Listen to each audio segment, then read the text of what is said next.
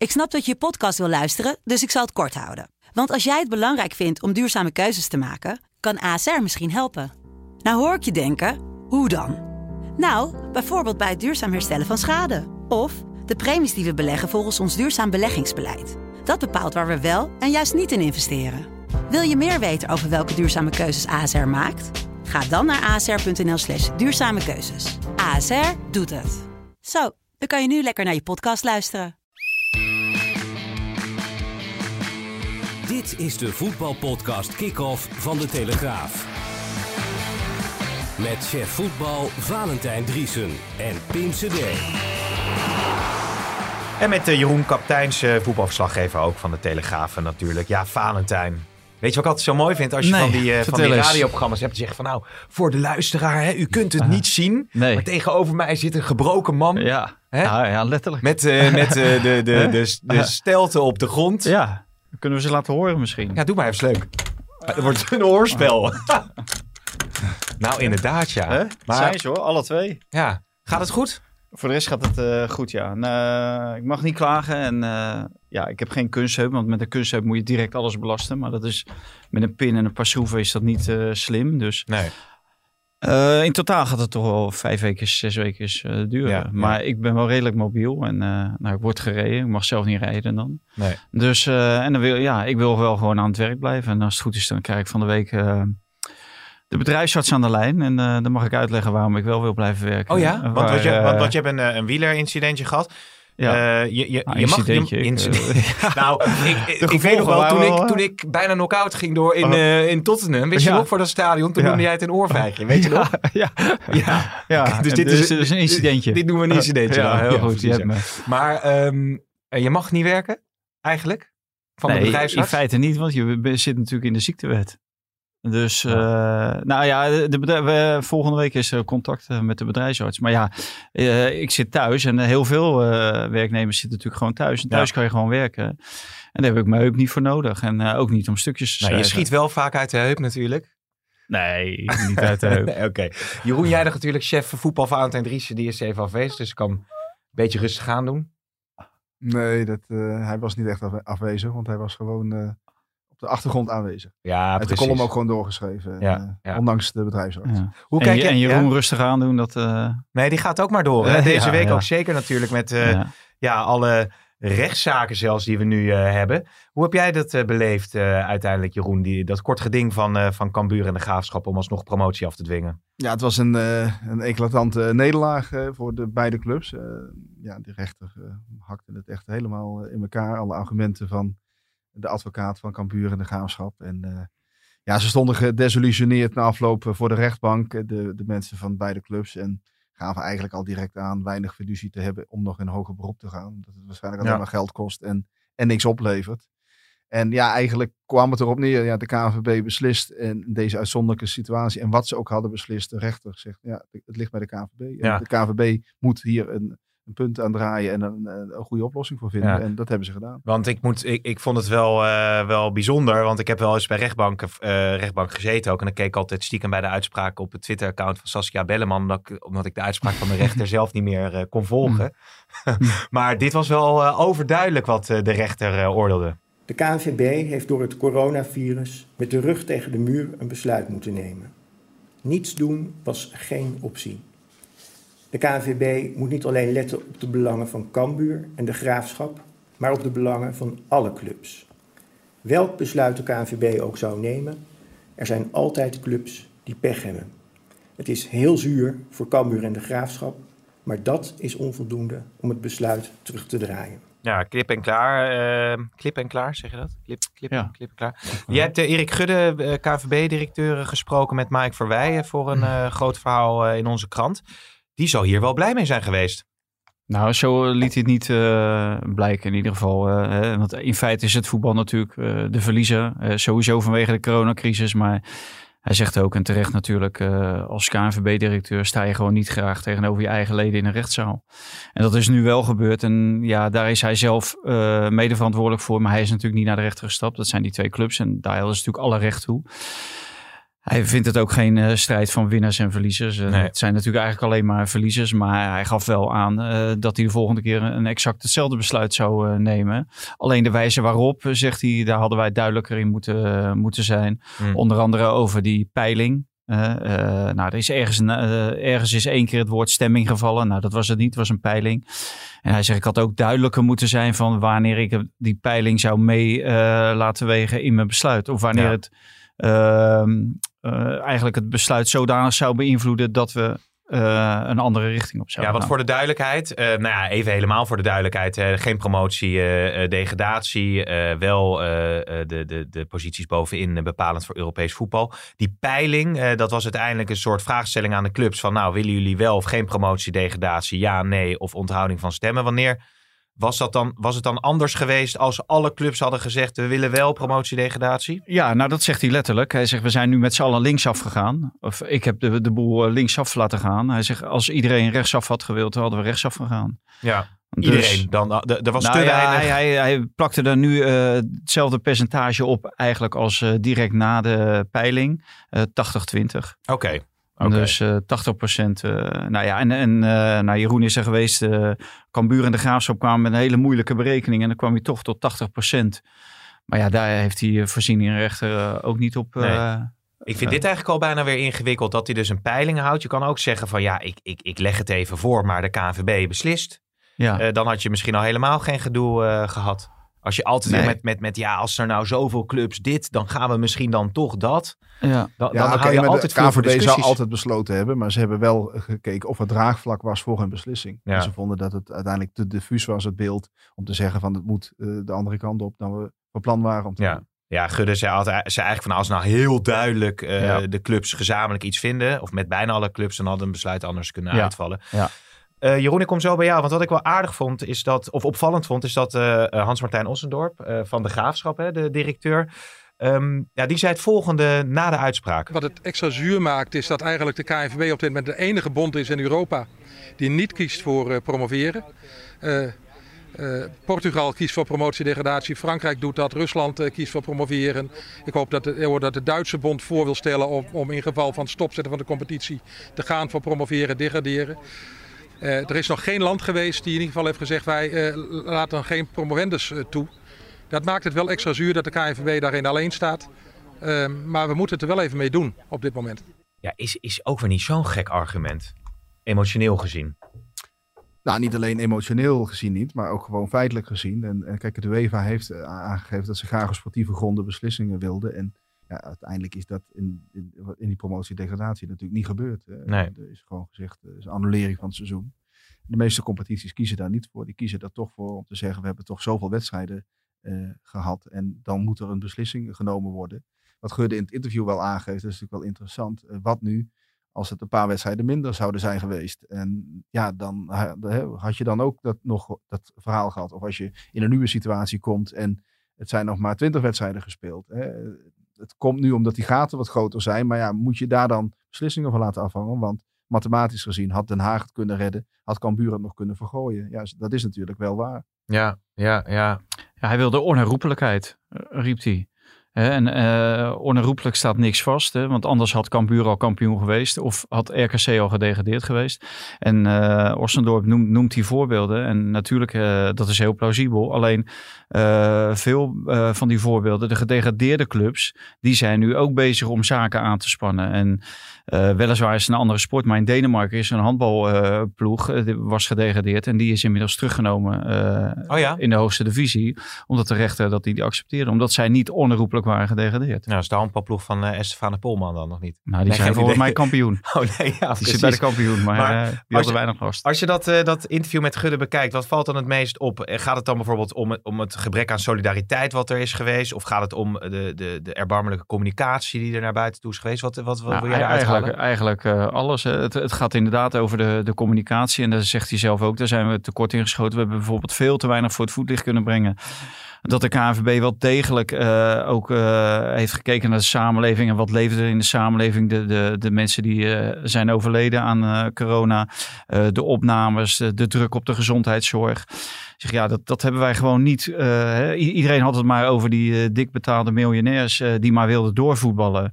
En zeg, ja, ik heb al vijftien keer voor een camera gezegd van dat, dat de gezondheid en, en dat de samenleving dat dat voorop staat. Maar ja, dat hebben zij gewoon toch niet voor het voetlicht kunnen brengen. Nou, inderdaad, eh, clubs die met elkaar uh, over, over straat gaan. Geen, geen enkele solidariteit. Uh, de draai om de oren natuurlijk van, uh, van de minister en van de minister-president. Waarbij die ook nog zei dat Van Rijn, ja, hoe noemde hij dat?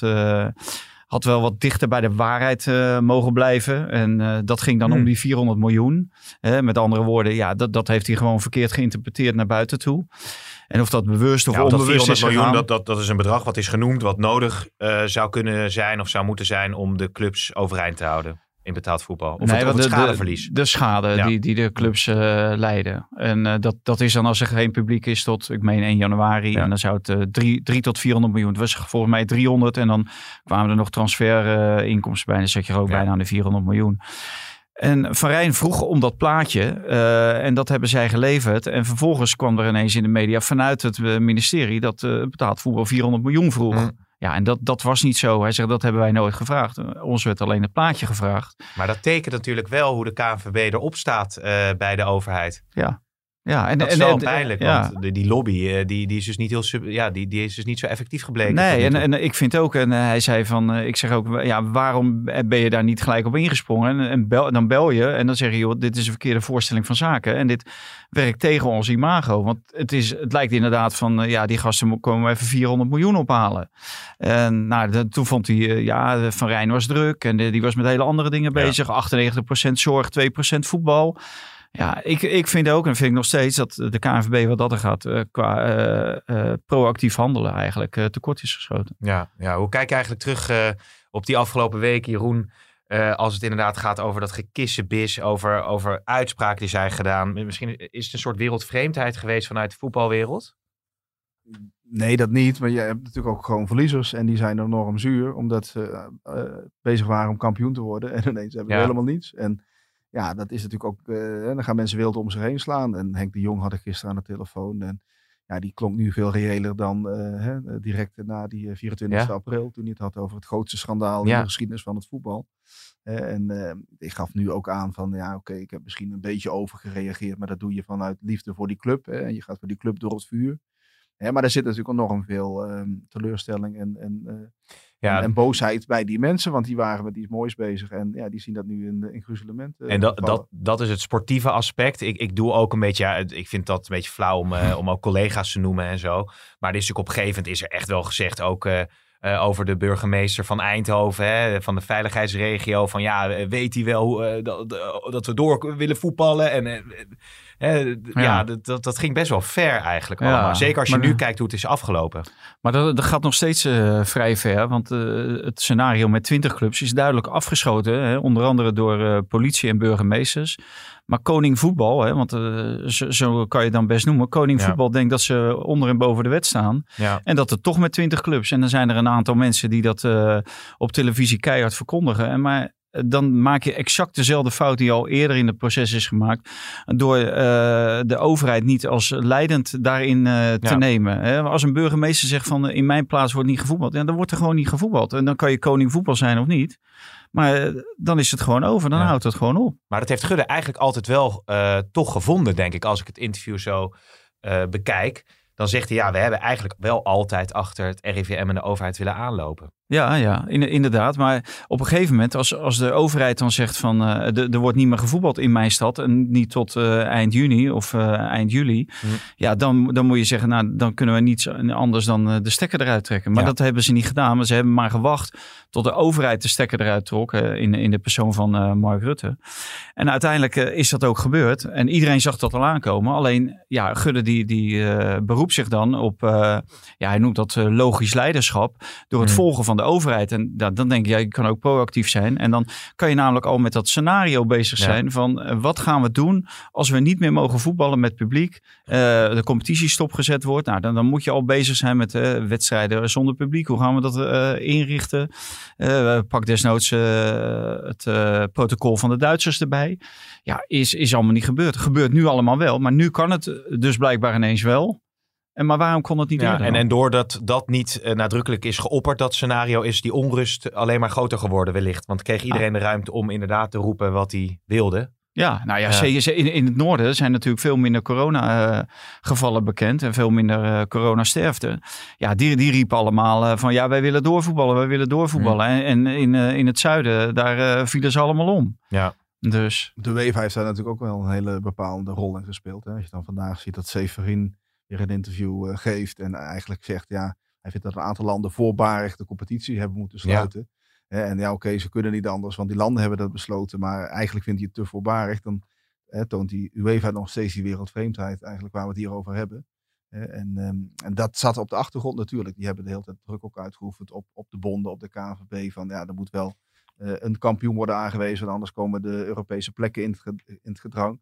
En dat is natuurlijk heel, heel bepalend ook geweest in dat Ja, proces. Ze ja. zaten natuurlijk een beetje in een, in een, in een mangel eh, eh, bij de KNVB. Hm. Ja, dat, eh, de UEFA is ook een, eh, een, eh, een factor geweest voor Gudde.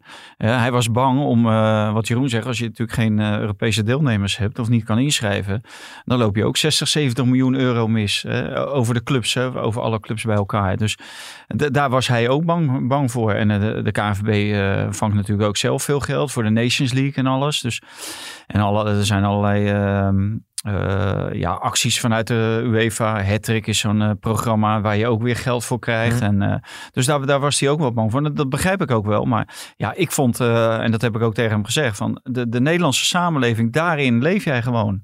En daar moet je gewoon naar, naar handelen. Dat is Ja. gewoon punt één. En dan zegt hij natuurlijk, ja, dat heb ik toch gedaan. Want ik heb alleen continu de overheid gevolgd en het RIVM. En dan denk ik van, ja, oké. eh, maar er waren wel heel wat andere mensen. Onder andere bij eh, Ajax, PSV en AZ. eh, maar ook burgemeesters. Die toch een heel ander geluid Ja. lieten horen. Ja, al met al, het verdient niet de schoonheidsprijs, maar nu lijkt het toch erop dat er Ja. langzaam maar zeker wat eh, rust en duidelijkheid eh, terugkeert. Ja, want hij, gaf ook aan dat eh, hij heeft eerder heeft hij de clubs laten praten over het Solidariteitsfonds. De clubs die Europese gelden gaan incasseren. Nou, die kwamen er totaal niet uit. Ehm, hij, hij weigerde toen zeg maar ook om, om daarin te stappen, hè, de regie te pakken. Nou, dat vond hij niet, want hij had geluiden gehoord dat het absoluut ja, op doodspoor zat. Nou, we zijn nu inmiddels twee of drie weken verder. En inmiddels zijn die clubs zijn, eh, wel met elkaar om tafel. En eh, ja, lijkt het erop of eh, de besprekingen een stuk vruchtbaarder Ja. gaan. En, en dat er een solidariteitsfonds kan komen. Maar wat ik dan weer van de andere kant hoor, dat die clubs absoluut niet akkoord zijn over de percentages die eventueel naar het solidariteitsfonds gaan. Ja, daar Eh, nog de- discussie Willem. Is- II is wil dat- is bijvoorbeeld dat ook- 25% Ja. betalen, hè, waar, waar Gudde het zelf over had. Maar dat willen, eh, willen die andere clubs niet. PSV, Feyenoord, eh, AZ, Ajax. Dus dat gebakkelei, dat zal nog wel even doorgaan, eh, Jeroen. Het is ook vrij on, on, eh, on- onoverkomelijk natuurlijk. Je ziet het in België ook. Er is nu beslist dat Club Brugge kampioen is. En dat eh Waasland-Beveren moet eh, degraderen. En wat doet Waasland-Beveren? Die hebben ook aangekondigd naar de rechter te stappen. Ja. Frankrijk eh en Ja. komt dan naar de rechter gestapt. Ja. Iedereen vecht voor eh, zijn eigen belang, voor zijn eigen club. En als dat niet op, eh, op het veld kan, dan, eh, dan maar voor de rechtbank. Om Ja. toch zoveel mogelijk eruit te slepen. Ik vroeg gisteren ook aan die mensen van Cambuur en de Graafschap. Hebben jullie dan niet heel erg spijt dat jullie deze stap hebben gezet? Want het heeft veel geld gekost. En dat levert je eigenlijk helemaal niks op. Voel je je niet een klein beetje bekocht door die juridische adviseurs? En ja, die zeiden allemaal nee, dit moesten we sowieso doen. Ook voor onze achterban. Om te, la- om te laten zien dat we er echt alles aan hebben gedaan. Ja. En, en ook om voor onszelf om te weten dat we in ieder geval eh, alles, uit, alles eruit hebben gehaald wat mogelijk was. Misschien wel een rechtsbijstandverzekering. Dat, nou, bij, in, in, in eh, Leeuwarden was er een inzamelingsactie. En er was er Oh ja, een, een, crowdfund, een- zeg was maar. er een straat waar de, waar de auto's langs reden. En eh, dan moest er geld eh, Tja, in Ja. een potje worden gedaan. tja, tja. Ja, eh, Jeroen, je hebt vandaag contact gehad volgens mij met uh, Cambuur en de Graafschap. En over die algemene ledenvergadering op 18 juni. Eh, zit daar nog een kans in? Of... Dat is wel iets waar ze het nog over hebben. Maar wat, wat ze gisteren ook wel aangaven is 18 juni is erg ver weg. En op een gegeven moment moet je als club je ook ergens op gaan voorbereiden. En je kan niet in, de, in die twilight zone van wordt het eredivisie, eerste divisie en we doen maar niks. Want we, we wachten af. je moet op een gegeven moment spelers gaan benaderen of eh, toch iets gaan bouwen. En ehm, ja, dat ze daar toch ook wel ernstige twijfels mee hebben of het verstandig is om dat zo lang nog in het midden te laten. Ja, maar de kans is nu toch wel gewoon 100% dat die eredivisie uit 18 clubs blijven staan, of niet? Ja, ik denk dat hij gewoon uit de Want- 18 clubs blijft- bestaan. Maar wa- wat Jeroen aangeeft bij die eh, algemene ledenvergadering, daar zou nog een hele kleine opening kunnen zijn. Eh, als, dan, dan kom je weer op die, eh, wat, wat Gudde zegt, een overduidelijke meerderheid wil dat we linksaf gaan. Eh, als daar eh, 36 of 34 clubs roepen van we willen met z'n allen rechtsaf. Ja, dan ben je bijna verplicht om rechtsaf te Ja. gaan. De, de, Maar maar, zou dat lobbyen zo eh, effectief nog kunnen zijn? nee, Clubs maar- willen maar- toch ook door nu? Nee, maar, maar de, de, clubs willen door. En, eh, maar dan- moet je ook weer lobbyen bij, eh, bij al die burgemeesters en bij de Ja. politiechefs. En die hebben gezegd van 20 clubs is een no-go. En, Ja. en, en daar houdt Gudde zich ook aan vast. Ja, precies. Nog heel even over Rob Jansen, want die heeft nu het initiatief genomen om ja, met alle belangenbehartigers in het betaald voetbal eigenlijk een soort plan te ontwikkelen, wat dan uiteindelijk aan de overheid eh, wordt aangeboden. Laten we even luisteren hoe eh, Jansen dat zelf uitlegde. En ik denk hetgene waar het, eh, wat we bij kunnen dragen, deze groep blijft ook voorlopig bestaan voor de KNVB, om te komen tot een werkstuk wat naar de pol- politiek gaat, waar men heel druk mee bezig is, voor de financieel-economische steun te verkrijgen, eh, die nodig zal zijn. Hè. Je werkt met drie tijdsperiodes, is tot nu einde competitie, dan tot einde van het jaar en dan het nieuwe seizoen. En zolang je niet met publiek speelt, zal dat probleem dus vergroten. Het werkstuk wat de politiek vraagt, en terecht, laat ik het vooropstellen, dient heel breed gedragen te worden, maar ook goed nagedacht ten aanzien van de offers van het betaalde voetbal zelf door alle geledingen. Dus dat zijn spelers, trainers, agenten, clubs, belangenorganisaties die allemaal meedenken, et cetera. En dat is ook terecht dat ze dat vragen. Dat moet ook gebeuren. En daar is vandaag denk ik wel heel goed eh, voorwerk geleverd. Ja. Ja, gaat dit dan uiteindelijk ervoor zorgen dat eh, de lijnen met de politiek beter gaan lopen? Dat er misschien wel degelijk eh subsidie, of in ieder geval miljoenen worden verstrekt om clubs overeind te houden, als ze maar zelf ook het heft in handen nemen en ook een bijdrage leveren? Nou, eh, zo, zo, werkt het wel. Alleen eh, dat komt niet door deze bijeenkomst, zeg maar. Want deze bijeenkomst heeft, heeft weinig status. En eh, Gudde gaf ook duidelijk aan dat de KNVB daar al lang mee bezig is. Ook met mensen van buiten de voetballerij, zeg maar. Om, om dit allemaal kort te sluiten. Om inderdaad een heel goed plan te, tot een heel goed plan te komen. Maar het is natuurlijk wel handig, en dat, dat zei hij ook, dat we een keertje met z'n allen bij elkaar hebben gezeten. En dat de mensen ook zien welk traject er gevolgd gaat worden. En wat er van iedereen wordt gevraagd. En Ja. Daar was iedereen wel toe bereid. Maar het is niet zo. Kijk, eh, Rob Jans heeft het over een werkstuk. Nou, eh, Gudde die, die zei dat eh, zij al lang bezig zijn met een plan richting eh, de politiek.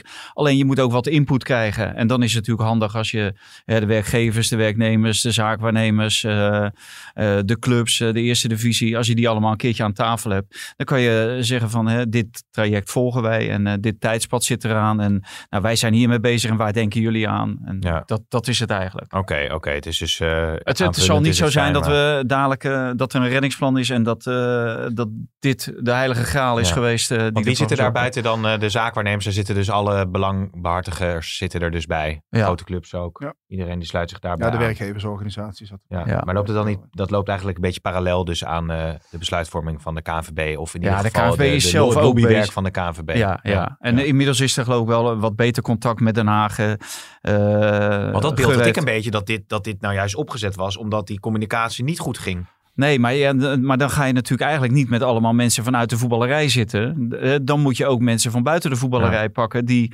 wel die ingangen hebben, bijvoorbeeld bij Den Haag. Nou, wat ik er nu van begrijp, wat, van Gudde dan, die zei van eh, dat eh, de ingangen bij Den Haag op dit moment best goed zijn te noemen. Bij Van Rijn, bij Dijkhoff. En Dijkhoff heeft ook aangegeven, ja, je moet een plan maken. Wat, wat vraagt Den Haag eigenlijk voor dat plan? Nou, en daarmee is hij dus Mm. eh, mee aan de slag. Oké, gaan we naar de stellingen. Eén of meer clubs gaan de coronacrisis niet overleven. eens. Oneens. Ehm, ik, stap, ik stap niet meer op een racefiets, want straks breek ik weer mijn heup. Oneens. Oh ja, wel ja? Ja, Gewoon uiteraard. fietsen? Fiets je eigenlijk, joh? Eh, Ja, naar de bakker en zo. Oké, maar dat durf je wel. Dat. Oké, ik verheug me enorm op Fortuna Düsseldorf Paderborn dit weekend. Oneens. Oneens. Ik verheug me op eh, Dortmund Schalke. Oneens. De Bundesliga die gaat de finish eh, niet redden door eh, corona. God, Mike zal wel boos worden. Er zitten allemaal tegenstellingen in. Oneens. Oneens. Jij denkt dat ze de finish gaan redden dus. Ja, Oneens. oké. Eh, Cambuur en de Graafschap die gedragen zich misselijkmakend. Eens. Oneens. Ja, dat was uit de column ook. Hè. Eh, landelijk en eh, lokale overheden moeten alles op alles zetten om die betaald voetbalclubs overeind te houden. Oneens. Eens. Ik heb er heel veel. Van Gaal die wordt nog eens technisch directeur bij Ajax. Oneens. Oneens. En Des vertrekt naar Barcelona. Oneens. Oneens. Oké, wat zullen we eerst nog even oppakken, eh, jongens? Ja, laten we dat even doen, want voordat we het vergeten... is wel het nieuws dat ook uit het interview met eh, Gudde kwam. Ehm, het scenario is wel degelijk mogelijk dat clubs dus gaan omvallen. Ja.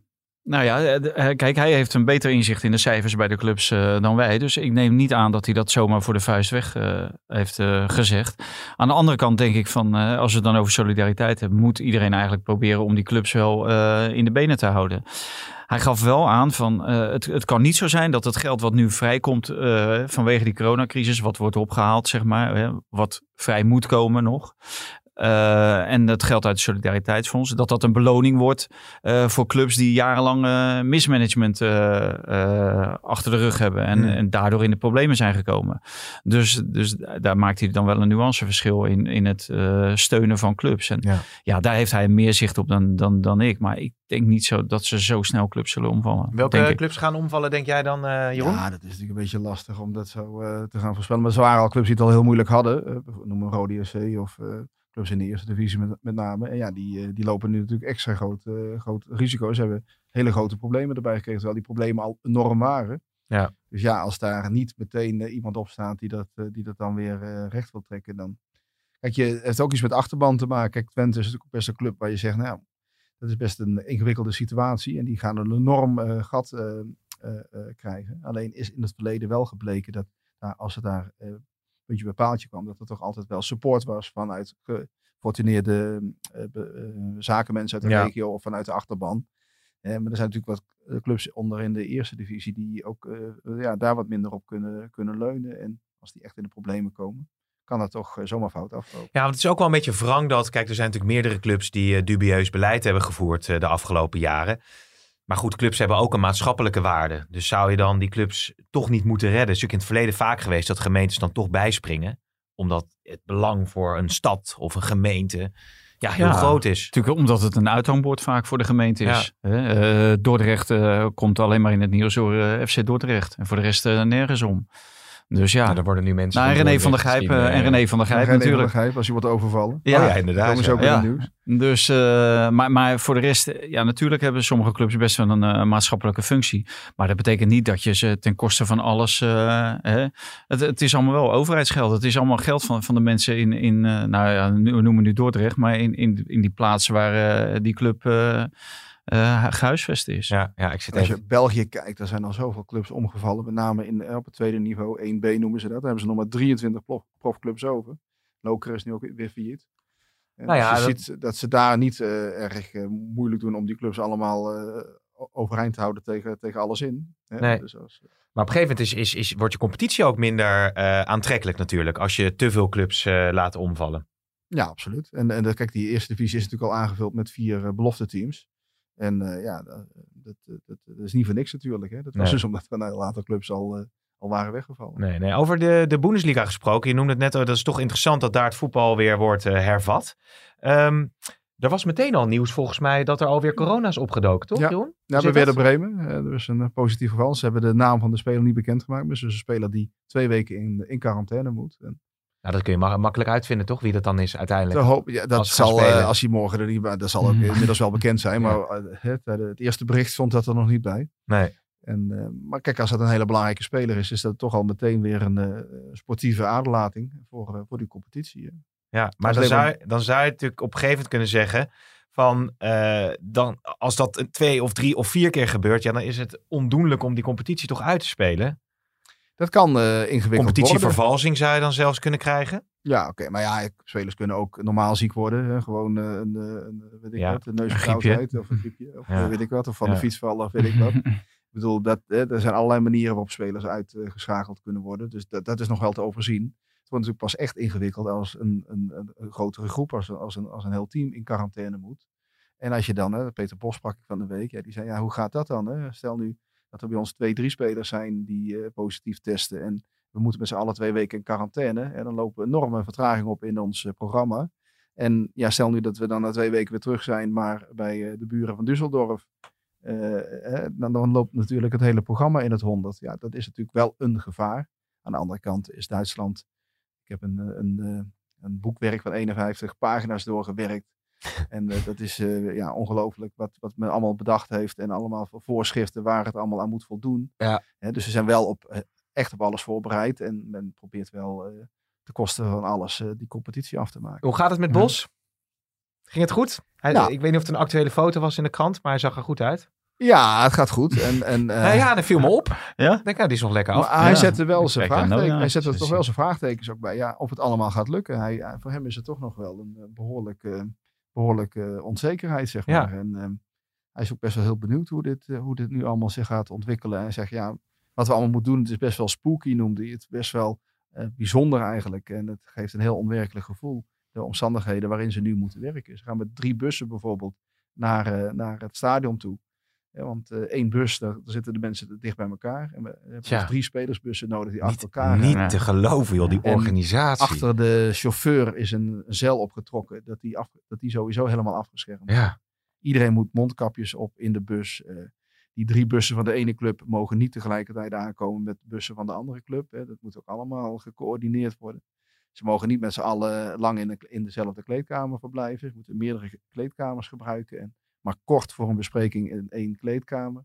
Ja, er zijn uh, duizenden en één voorschriften. Ja. En er mogen geloof ik iets van 355 mensen in het stadion of zoiets, las ik ergens. 322 mensen. 322. Ja, ja. En, en dat betekent dus ook dat er, dat er bijvoorbeeld één journalist per... Er zijn tien journalisten in totaal uh, op de perstribune. Oh ja? Tien. Oh ja? Vijf van de een en vijf dus- van de andere. Ja, en drie fotografen mogen er uh, in de Ja. fotografenpool.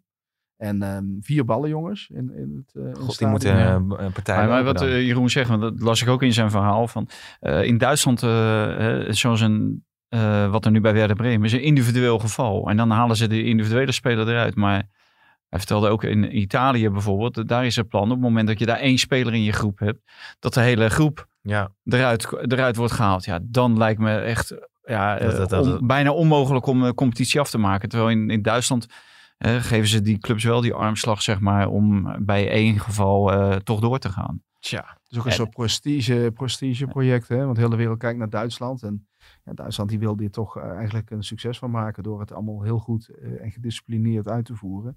En ja, ja, we zullen moeten zien of die maatregelen sterker zijn of toch uiteindelijk het virus. Dat, Ja. dat is toch een beetje de vraag. Ja, dat wordt zeer interessant eh, dit weekend. Eh, ja, Mike Verwij is er nu niet bij, onze Ajax-watcher. Die is druk bezig op de, op de redactie. Ehm, over Ajax gesproken, wel interessant. Jij noemde net Peter Bos. Eh, er was een afscheidsvideo eh, door Ajax eh, gemaakt eh, in Tuschinski, waar alleen Ziyech dan zat. En die kon kijken naar de hoogtepunten en dieptepunten ook wel vanuit zijn carrière bij Ajax.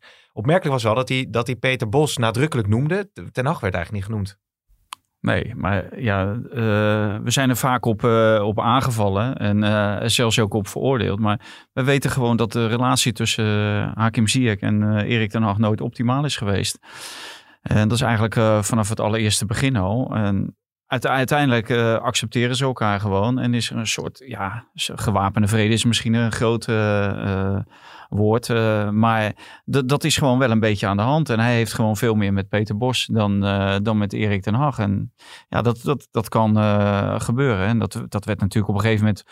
Dan zijn er successen en dan wordt dat ont, ont, ontkend. Op het moment dat je dat tijdens een succesperiode opschrijft... of, of dat neerlegt, ja, dan willen de mensen daar niet van weten. Want dan kan het het succes natuurlijk verstoren. En het Hmm. proces en weet ik wat allemaal. Maar dat is natuurlijk wel zo. Dat, dat, dat zal altijd zo, zo blijven. De- ja, niet iedereen eh, eh, en niet alle persoonlijkheden die liggen elkaar natuurlijk. Nee. Zou Bos eigenlijk eh, nog eh, terug willen keren ooit bij Ajax, denk jij? Nou, hij zit nu bij een club waar hij zoveel meer verdient en waar Ja. het qua professionaliteit ook helemaal top of the bill is. Er wordt enorm veel geïnvesteerd bijvoorbeeld in de, in de medische verzorging, medische begeleiding. Dus wat dat betreft, de Bundesliga natuurlijk een prachtige competitie om in te werken. Dus ik denk dat hij voorlopig eh, erg goed zit in Duitsland. Maar uiteindelijk heeft hij bij Ajax natuurlijk wel iets heel moois neergezet. En als dat ooit alweer op zijn pad komt, denk ik dat dat best voor hem een heel aantrekkelijke optie Ja. is. Want, want, want nou, je, je hebt natuurlijk ook van nabij gevolgd. Dat is een beetje op een vervelende manier weggegaan eh toen. Is, is, is dat voor hem een onaf hoofdstuk? Eh, nou, wat Jeroen zegt, dat, eh, die, die schets, daar kan ik me wel in vinden. Maar ik denk dat hij uiteindelijk eerder terugkomt naar Nederland voor het Nederlands elftal. Dan voor, eh, voor een club. Ja. dat, dat heeft hij ook aangegeven dat hij dolgraag ooit nog uh, Nederlands zelf zou willen doen. En dadelijk heeft hij Ajax gedaan. Hij heeft in diverse buitenlanden gewerkt. Hij heeft een Duitse topclub uh, heeft hij gehad. Nou, eentje is zich slaagt, de ander niet. Dus hij heeft wel zoveel bagage inmiddels. En als speler heeft hij natuurlijk aan, de, aan de top gespeeld in het Nederlands elftal dat ik, ja, ik denk dat hij wel een van de kandidaten is om uh, TZT na 2021, als Ronald Koeman eventueel uh, alsnog naar Barcelona mm. gaat, om uh, Ronald Koeman eventueel op te volgen. En, en, we vliegen nu een beetje van onderwerp naar onderwerp, maar je noemt het even zelf met Koeman. Gaat het goed? Ja, wat ik ook, ook dat hebben gehoord bij de KNVB, dat het goed gaat. Alleen of het over een paar weken nog steeds uh, goed gaat met Ronald, uh, dat uh, valt te betwijfelen. Want ook Ronald moet salaris gaan inleveren. Dat is wel, wel duidelijk. Ja, want dat, dat, dat bleek ook uit het interview met Gudde. De, de, ja. de KNVB-top gaat ook zelf inleveren? Ja, de directie, bondsvoorzitter Just Pay, die werkt twee dagen in de week en die vangt daar een ton voor per jaar. die gaat inleveren. Ik weet niet of hij alles inlevert. dat, dat geluid dat ging wel. Maar ik weet niet exact hoe of wat. Gudde wilde daar niet specifiek op ingaan. Maar hij zegt, ga er maar vanuit dat de top van de KNVB... en daar hoort Ronald Koeman natuurlijk ook bij... dat die uh, ook een loonoffer zullen brengen. Van? Ja, ik, ik, ik denk dat... of zo? Ja, ik, ja, 20 zei je? Ja? Ja, ik, ik denk het haast. Ja, ik, ik weet het niet exact. Dat, nee, wil, hij wilde er geen cijfers op Dat was bij de clubs het ja, geen naam. Dus ik neem aan dat ze ja, dat, Het is ook wel een beetje zo dat als je verwacht van clubs dat ze gaan inleveren, dan kun je bijna niet achterblijven natuurlijk als KNVB. Nee, dan moet je dat signaal wel, uh, wel afgeven. Je Zijn... kan ook zeggen van waarom is dat signaal weer niet eerder afgegeven? Omdat uh, met Just Space speelt volgens mij al een langere tijd. Uh, dat, dat, ja, loop eens voor de, voor de muziek uit. Hè? Doe eens wat proactief. En dat, ja, Eigenlijk is dat een beetje de, de, de, de, het, een belangrijk gevoel wat blijft heersen als je naar de KNVB kijkt bij jou. Dat, dat, voor, dat voor de muziek iets proactiever handelen. Ja. Ze hadden moeten zeggen, vind jij, wij leveren dat salaris in en dan kijken of de clubs uh, volgen. Gaan die clubs allemaal volgen, Jeroen? Ja, de een na de ander wordt nu bekend hè, dat, dat, dat, dat, uh, dat het is gebeurd. Dus het is ook wel echt een pure noodzaak. En, uh, dus ik denk dat uiteindelijk dat overal aan de, aan, de, aan de orde zal zijn. Het is eigenlijk ongelooflijk. Hè? Er wordt niet eens gevoetbald, maar we hebben zo vreselijk veel om te bespreken. Ik ben ook een paar dagen in Zeeland geweest. Misschien al daarom uh, loop ik over van, uh, van onderwerpen. Maar we moeten nog uh, Dest even bespreken. Want wij hebben zelf bericht natuurlijk dat die dichtbij een transfer naar Bayern München was. Um, er verschenen berichten de afgelopen dagen dat hij naar Barcelona misschien wel zou gaan. Hoe zit dat? Ja, van, vanochtend ineens. Uh, Veronica Insight. Uh, nou, ik, ik, heb nog gebeld en uh, het kwam van Wilfred Gené. Die heeft, die heeft dit gehoord, dat dit heel serieus okay. is. ja, het enige wat je kan doen is Ajax bellen en, en de zaakwaarnemer. nou, Ajax gaf nog geen sjoegen, maar de zaakwaarnemer zegt dat er geen concreet contact is geweest tussen Dest en Barcelona. En ook niet tussen Ajax en Barcelona, wat hij ervan uh, van wist. Uh, maar hij vertelde wel dat Bayern München wel heel concreet is om Deste in te lijven. Ja, het kan, kan zijn dat het uh, op de achtergrond uh, buiten hem omgaat. Hè, want het gebeurt wel vaker. Dat andere zaakwaarnemers met spelers aan de haal gaan. Maar, maar vooralsnog ja, lijkt Bayern de beste papieren te hebben. Het is toch wel opmerkelijk dat, dat, dat ja, twee van de grootste clubs van Europa op Deste zitten te azen Ja, nou, ik, sommige wedstrijden dacht ik ook van... Mijn god, wat, wat, wat, wat, doet die jongen? Die als een kip zonder kop loopt hij, loopt hij maar rond en rent hij maar heen en weer. En af en toe dan had je wedstrijden dat je denkt van ja, dit, hij heeft zoveel drive naar voren. En uh, dat, dat hij wel het goede moment kiest. Dat je denkt, ja, die, die kan zo mee. Hè. Fysiek uh, gezien, uh, hij heeft longen als een paard. Hij is snel. hij kan op tijd terug zijn. verdedigend is hij redelijk tot, tot goed. Hij heeft aanvallend heeft hij ook nog wel een beweging. Want hij is van origine een, een buitenspeler dan. Maar ja, ik, ik denk dat uh, in het kopje dat uh, ja, daar, daar zal wel nodig aan moeten ja. gebeuren. Hè? Dat je, je hebt wel een bepaalde rol. En dat was natuurlijk ook uh, wat Tadic zo boos op werd in de laatste oh, wedstrijd ja, die gespeeld werd tegen Herenveen. Ja, Hè, dat je moet ook moet nadenken in, in, een, in een wedstrijd en in situaties. En ja, dat, dat ontbreekt er nog wel eens aan. Ja, lekker hè, om gewoon weer even over voetbal te praten. Ja, klinkt wel heel ver weg, die wedstrijd nou. tegen Herenveen en, en, dat soort...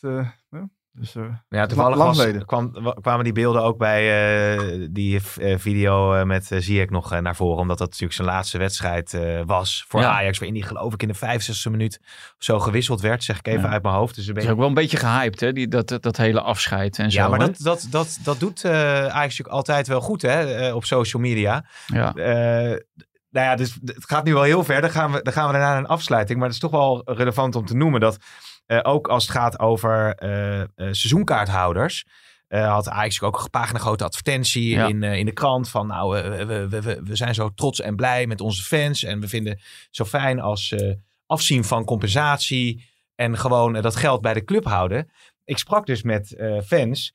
eh, die zeiden van ja, ik voel me daar toch een beetje eh, emotioneel door gemanipuleerd. Want ja, ik heb gewoon, wij spreken het recht om Ja. geld terug te vragen. Maar er komt zo een mediacampagne over je heen. Dat je eigenlijk, je voelt je een beetje een lulletje. Gegeneerd. Als je eh, zegt van ja, ik wil toch wel mijn mijn 40 euro terug hebben. Ja. Ja. Dus dat is, Ja. dat is, dat- ja, de, Maar dat zegt natuurlijk alles over die persoonlijkheid van die supporters die jij eh ja, we gesproken hebben ook trouwens. Ja, De, de- ik zit in nou ja, ik weet niet of, of dit allemaal. het zijn je vrienden.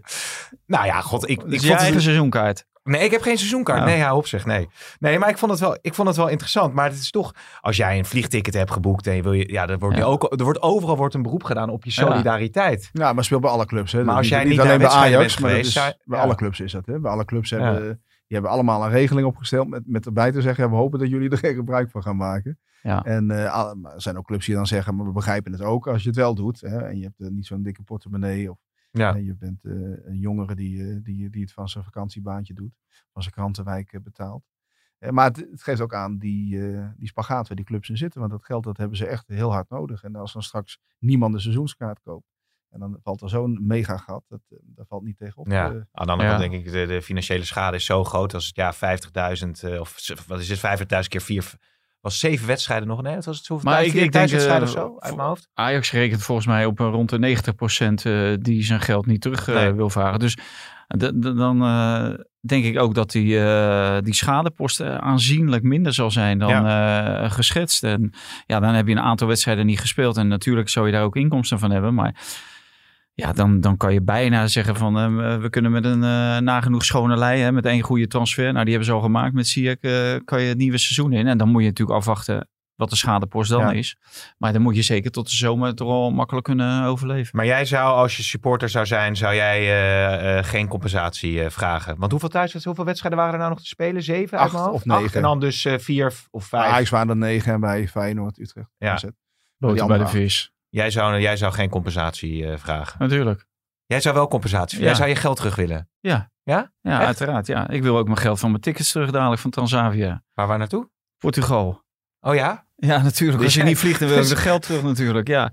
Maar eh, kijk, eh, ik vind wel heel veel clubs doen het wel, wel goed. En ze hebben echt wel leuke maatregelen. Want ze zeggen ook van eh, de wedstrijden die je nu niet kan bezoeken, die kan je bijvoorbeeld volgend jaar, als je een seizoenkaart neemt voor volgend jaar, dan krijg je Ja. die extra erbij. Bijvoorbeeld in Europa. Willem II heeft zoiets. Er zijn allerlei regels.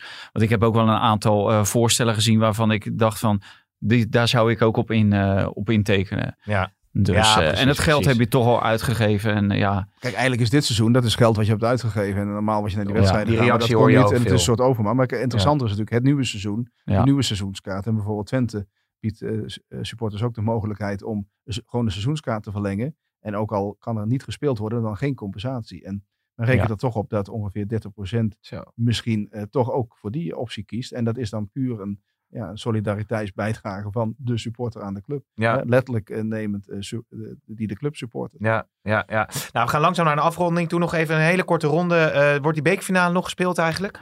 Nee, Gudde heeft vandaag ook weer duidelijk laten weten dat er voor 1 Oké. september niet gevoetbald wordt. eh, en hij hoopt dat er geoefend kan worden. Hè, ook omdat het Nederlands zelf voor de Nations League speelt in de eerste week van september. Eh, in de tweede helft van augustus, of misschien heel augustus, dat iedereen weer eh, met z'n allen kunnen trainen. En dat er eventueel eh, oefenwedstrijden gespeeld kunnen worden. Maar er wordt geen eh bindende wedstrijden Nee. worden gespeeld voor 1 september. En, en Jeroen, de Utrecht nog naar de kas? Europese uh, ze zitten nu bij de UEFA en de KAS is dan eh, de, de volgende stap. Hè, als, als ze daar het gelijk niet halen. En, Dus dat loopt nog. Ja, dat loopt. En die hebben nog steeds eh, de hoop dat ze wel nog iets eh, kunnen organiseren met die bekerfinale. Maar dat ziet er natuurlijk niet, eh, niet zo heel goed Oké, en dan nog over het boek van Van Gaal. Want in een interview heeft hij gezegd dat hij nou ja, voor drie, vier ton geloof ik wel directeur van Ajax had willen worden. Toen der tijd. Eh, Ja, daarom mijn de- stelling, eh, moet hij alsnog niet ooit eh, directeur uit liefde voor de club van Ajax Nee, worden. maar, maar hij haalt daar weer geld bij. Dat begreep ik ook niet. Van, hoe Nou, dat? dat omdat hij Ajax veel moest- inleverde om, om, om, om dat dan te doen. Dat ja, zou hij maar, maar het, het, het ging om het principe dat hij achter de rug om van oud-spelers van hem, hè, onder andere Wim Jonk en Dennis Bergkamp, en achter de rug om van Johan Cruijff met die overige commissarissen gewoon in zee ging. En dan had hij weer een hele, hele rare gedachtenkronkel van die mensen die moesten Johan Cruijff maar over de streep trekken en hij had er helemaal niks mee te maken. Maar die mensen hebben hem wel over de streep getrokken om te tekenen, terwijl Johan Cruijff nergens vanaf wist. Nou, dan denk je, en dan heb je altijd je mond vol over communicatie en weet ik wat allemaal. Dan, dan, dan bel je of Cruijff op of je zegt tegen die mensen, ik teken pas op het moment dat ook Cruijff zijn ja-woord geeft. En dan laat je het niet aan die mensen om Cruijff eh, te overtuigen. En dan eh, ook eh, zeker ook richting Bergkamp en Jonk. Dat zijn jongens die hem, hebben hem de, in het zadel geholpen bij, bij Ajax. Toen hè, dat succesvolle... Ja, hoewel die geloof ik uiteindelijk ja. dat het met Frank Rijkaard en Liebaan Ja. eh, echt pas in elkaar viel. Ja. Zullen, we dit, Ja. zullen we dit maar voor de borrel dan bewaren? Ik weet niet of je mag drinken eigenlijk met je heup. Nee, nee, nee. Maar dat deed ik sowieso niet. Nee, hè. sowieso niet. Nee. Oké, Ja. Jeroen, jij? Na, na een harde week werken weer. Nou, ik ben straks met de auto naar huis, dus lijkt me niet zo En, en ga je nog naar Duitsland dit weekend dan? Of, eh, Ja, we gaan wel eh, kijken of we een uh, sfeerreportage kunnen maken van een, eh, een eh, stad die gaat voetballen waar helemaal geen sfeer is. Maar de wedstrijd zelf, daar kom je niet bij, want dan kunnen we dus met tien journalisten ja. aanwezig zijn. Er zijn in Duitsland genoeg gegaan. dus voor als je, die van- dat, als je eh, zegt dat je van de zelf- Telegraaf bent, dan eh, kom je toch wel binnen. Ja, dat eh, kan ik proberen, maar ik vermoed dat Bielt en eh, de Spiegel en de Kikker Ah, eh, ja, vooraan. Hey, heel veel succes daarbij. Valentijn sterkte met de revalidatie en de bedrijfsarts. En, eh, ik, Ja, zou ik wil nog één ding Ja? over zeggen, want eh, er was ook een eh, stelling over dat eh, fietsen. Ik ga morgen het eh, nuttige met het aangename eh, verenigen. Ja. Eh, ik blijf fietsen hè, op een home trainer voor de televisie en dan ga ik Dortmund Schalke. Want je mag nu wel Kijken. op een home trainer fietsen. Ja, heel licht verzet. Mag je alvast eh, eh, die oefeningetjes eh, mag je doen, zodat alles toch een beetje soepel blijft. Dus eh, ja, bij deze. Dus ik, Nou. denk, ik denk dat het een eh, hele leuke middag gaat worden. Ja, goed, goed om te weten. Ik zeg iedereen eh, bedankt voor het luisteren. Tot de volgende keer.